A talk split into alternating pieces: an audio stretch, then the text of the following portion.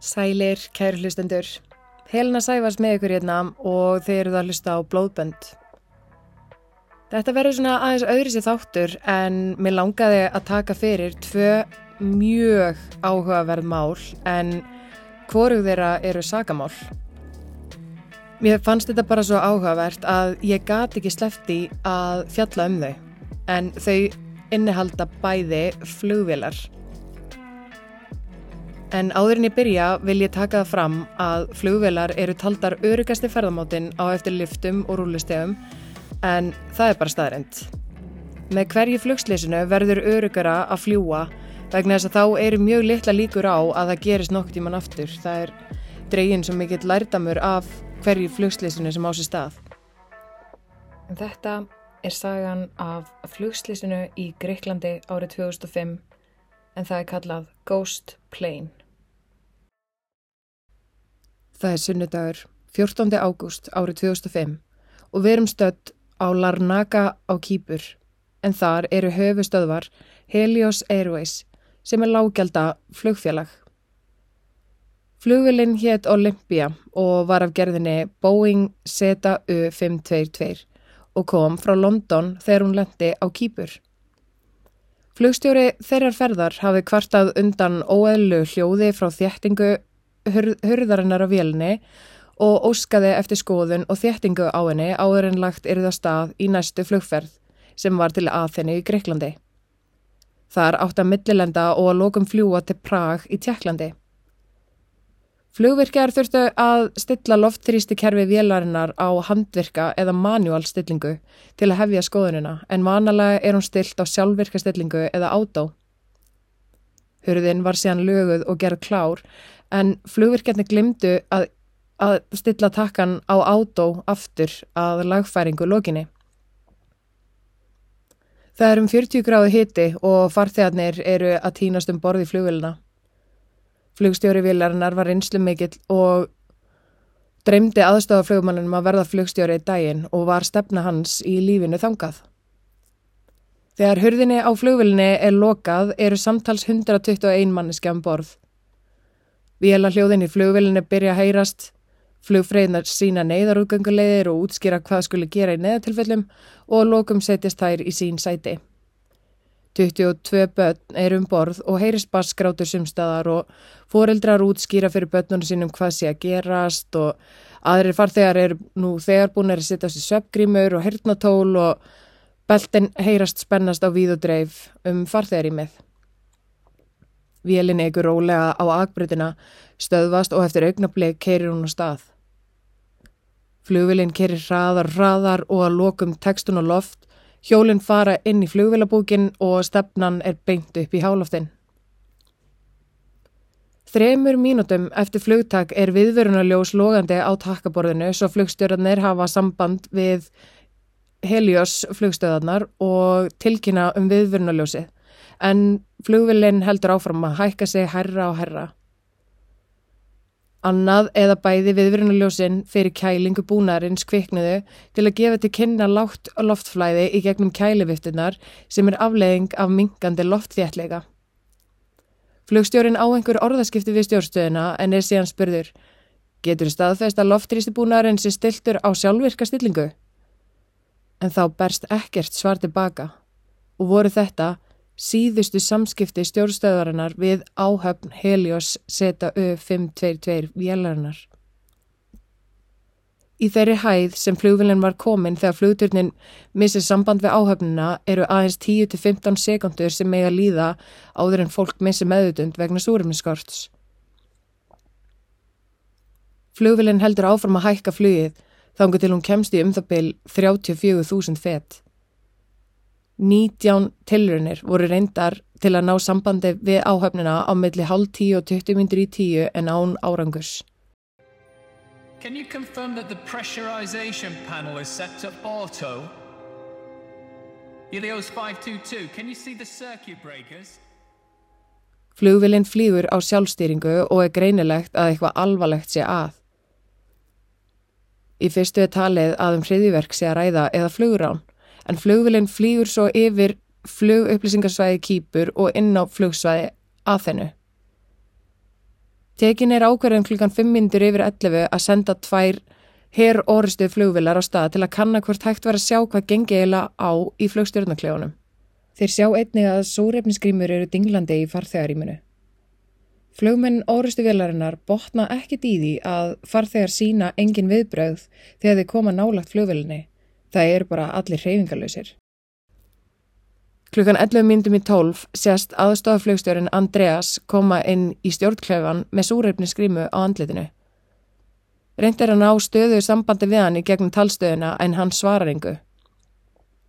Þegar flugvelin hefur verið að ringsóla á sjálfstýringu í þrjá klukkutíma er ljóst að flugvelin er orðin bensinlaus og runnin út á tíma. Andreas hafði ekki þekkingu á að stýra flugvel að þessari stærð og hvað þá í þessu skelvingar ástandi og öruglega mjög rugglaður vegna súrefniskás. Allt í einu kviknar í vinstri hreiplinum og mikill reykur berst frá honum. Ljóst er að flugvelin munir rapa hennan skams. Andreas nær sem betur fyrir að snúa flugvelinni frá þéttri íbúa beigðu að þennu og stefnir í átt af fjálsliðum en á þessu svæði sem flugvelin sveimaði yfir búa þrjár miljón manns Svo ef flugvilin myndi hrapa þar, myndi eflaust margt fólk deyja. Klukkan fjóra mínútur yfir tólf skellur flugvilin á fjálshæð með miklum látum og mikill reykur og eldur berst frá sæðinu.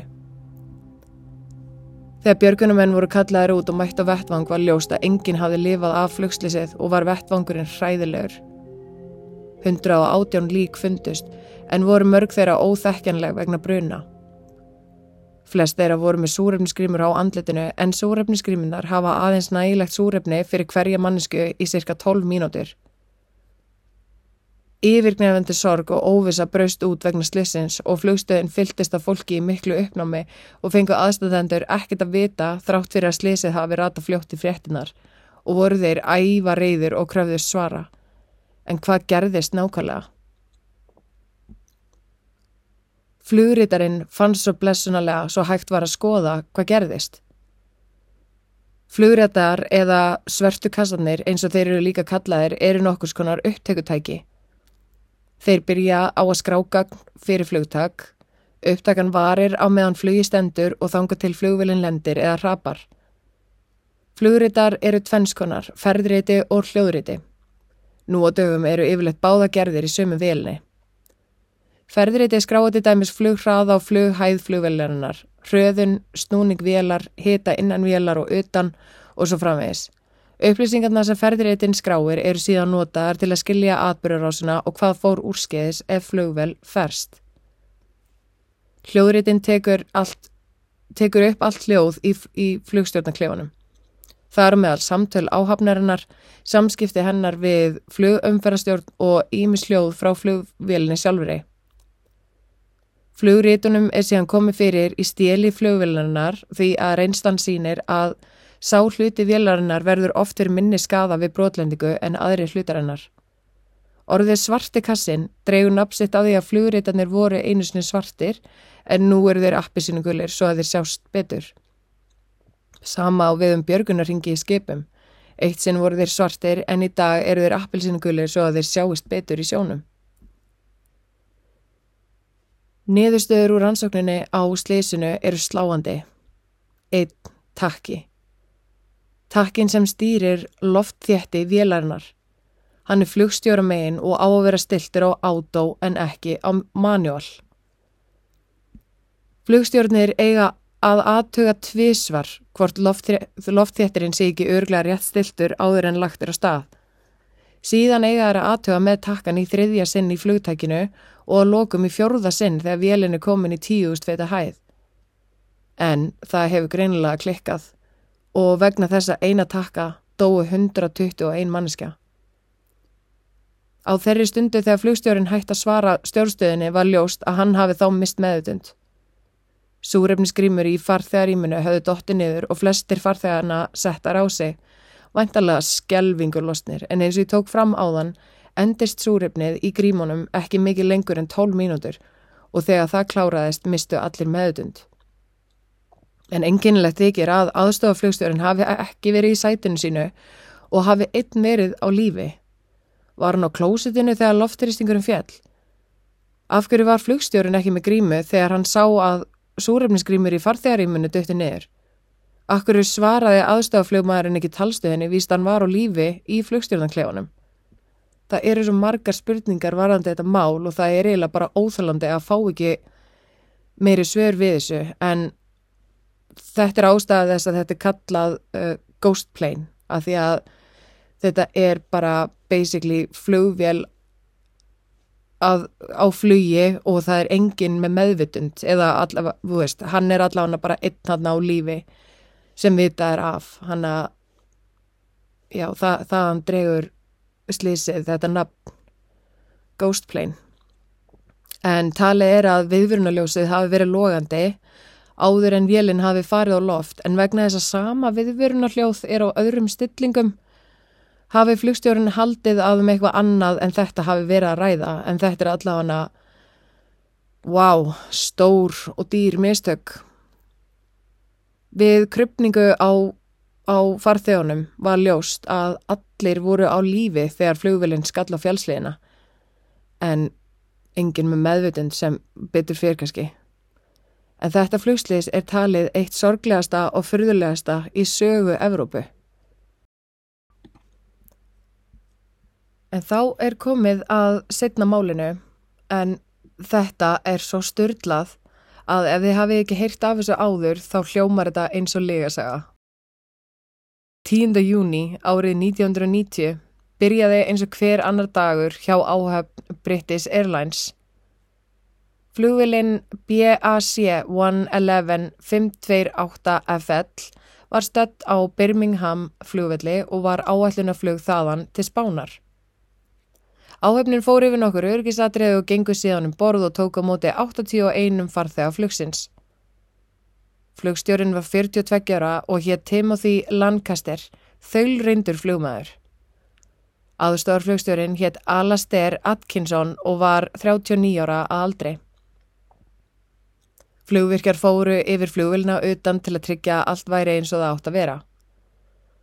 Flugstjórnir íttu alla þá taka og fóri yfir allt öryggi vélarinnar í flugstjórnarklefunum sem þurfti til að undirbúa flugvelina fyrir flugtak og flugfröðina lási yfir öryggisreglur og neyðarútganga fyrir farþegana eins og við þekkjum flest. Alastair, aðstórflugmaður, sá um hefðbundi flugtak og var klukkan á staðatíma 08.20. Síðan tók Timothy flugstjóri við fluginu á meðan flugvelin hækkaði flugið. Í róliheitunum losuðu báðir flugmyndinir axlabeltið af sér og Timothy losaði einni af sér mjálmabeltið. En þegar flugvelin var komin upp í 17.300 fet var klukkan á staðatíma 08.33 og voru þá flugþjónar og flugfriðnar í óðaun að undirbúa máltíðaþjónustuna. Meðan flóið var yfir Ditcott í Oxfordshire varð sprengi þrýstingur á glugganum í flugstjórnarklefanum og rúðan gaf sig. Vittlisar skrúur hafðu verið skrúaðar í rúðina. Annarkvort notaðar skrúur eða of litlar eða eitthvað nefn þannig. Þú veist, það var ekki réttar skrúur uh, skrúaðar rúðina í. Við þetta myndaðist mikill sáþrýstingur og vindur í stjórn, stjórnklefanum og flugstjórun sogaðist upp úr sætinu sinu og út um gluggan. Fóturinn hans festist í flugstjórnatækjanum svo efri líkamann hans satt fastur út um flugvelina í nýstingskulda og ólýsanlegu myndi. Hann misti meðvutund um leið. En við þetta urði mikið læti í vélinni og farþegar í með fylltist kvítri þóku. Mikil skelving og ótti braust út um alla flugvelina enda um mikinn þrýsting og hristingaræða og að ljósta flugvelin var að rapa. Sjálfstýring vélarinnar var farin af og nú reyndi á aðstofaflugstjóran og alla þá kunnótti sem hann bjó yfir en auðmingi maðurinn var að berjast við að ná andanum og auðvitað að reyna að bræðast rétt við aðstæðunum í þessu ólýsanlega skelvingar ástandi.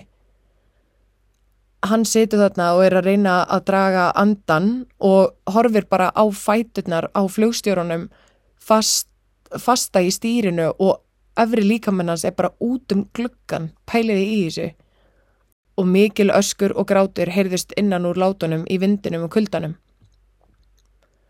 Nigel Ogden var einn flugþjónana um borð og kom hann auga á fætur flugstjórans og sá að búkurinn var út um gluggan á flugulni. Hann barðist við vindin og greipi utanum fætur flugstjórans til að halda honum ef fæturnir myndi losna. Heinar flugfræðinar sáu til þess að festa stóra lausamunni og reyndu að huga að döðskelkum farþegunum. Flugvilinn innihjalt ekki næla margar súrefniskrimur fyrir alla um borð svo að Alastair hóf neyðarlækun á flugvillinni til að ná hæð með nægum loftrýstingi. Hann náði síðan að kveikja á sjálfstýringuna aftur og sendi frá sér neðakall en heyrði ekki í flugumfærastjórninni undan vindháðanum. Nægel flugþjótt var orðin dauð uppgefin að halda í flugstjóran sem enn var hangandi út um flugvölina og komið þá flugþjóranir John Havard og Simon Rogers honum til hjálpar og heldu fast í Timothy með honum. Reyna að sjá þetta fyrir ykkur bara, þú veist, það er bara lætin og þú veist flugstjórin er bara svona út um rúðuna og er bara skellast í flugvelina og það eru bara allir að, að ríkhalda í hann bara af öllum sálarkröftum til að missa hann ekki út um velina en það heldu þetta allir að flugstjórin væri dáin annað bara gati ekki verið en það mátt ekki missa hann alveg út úr velini því þá væru bara mikla líkur á að líkaminnans myndi skellast í hreyfilin og valdi þannig miklu tjóni á flugvilinni.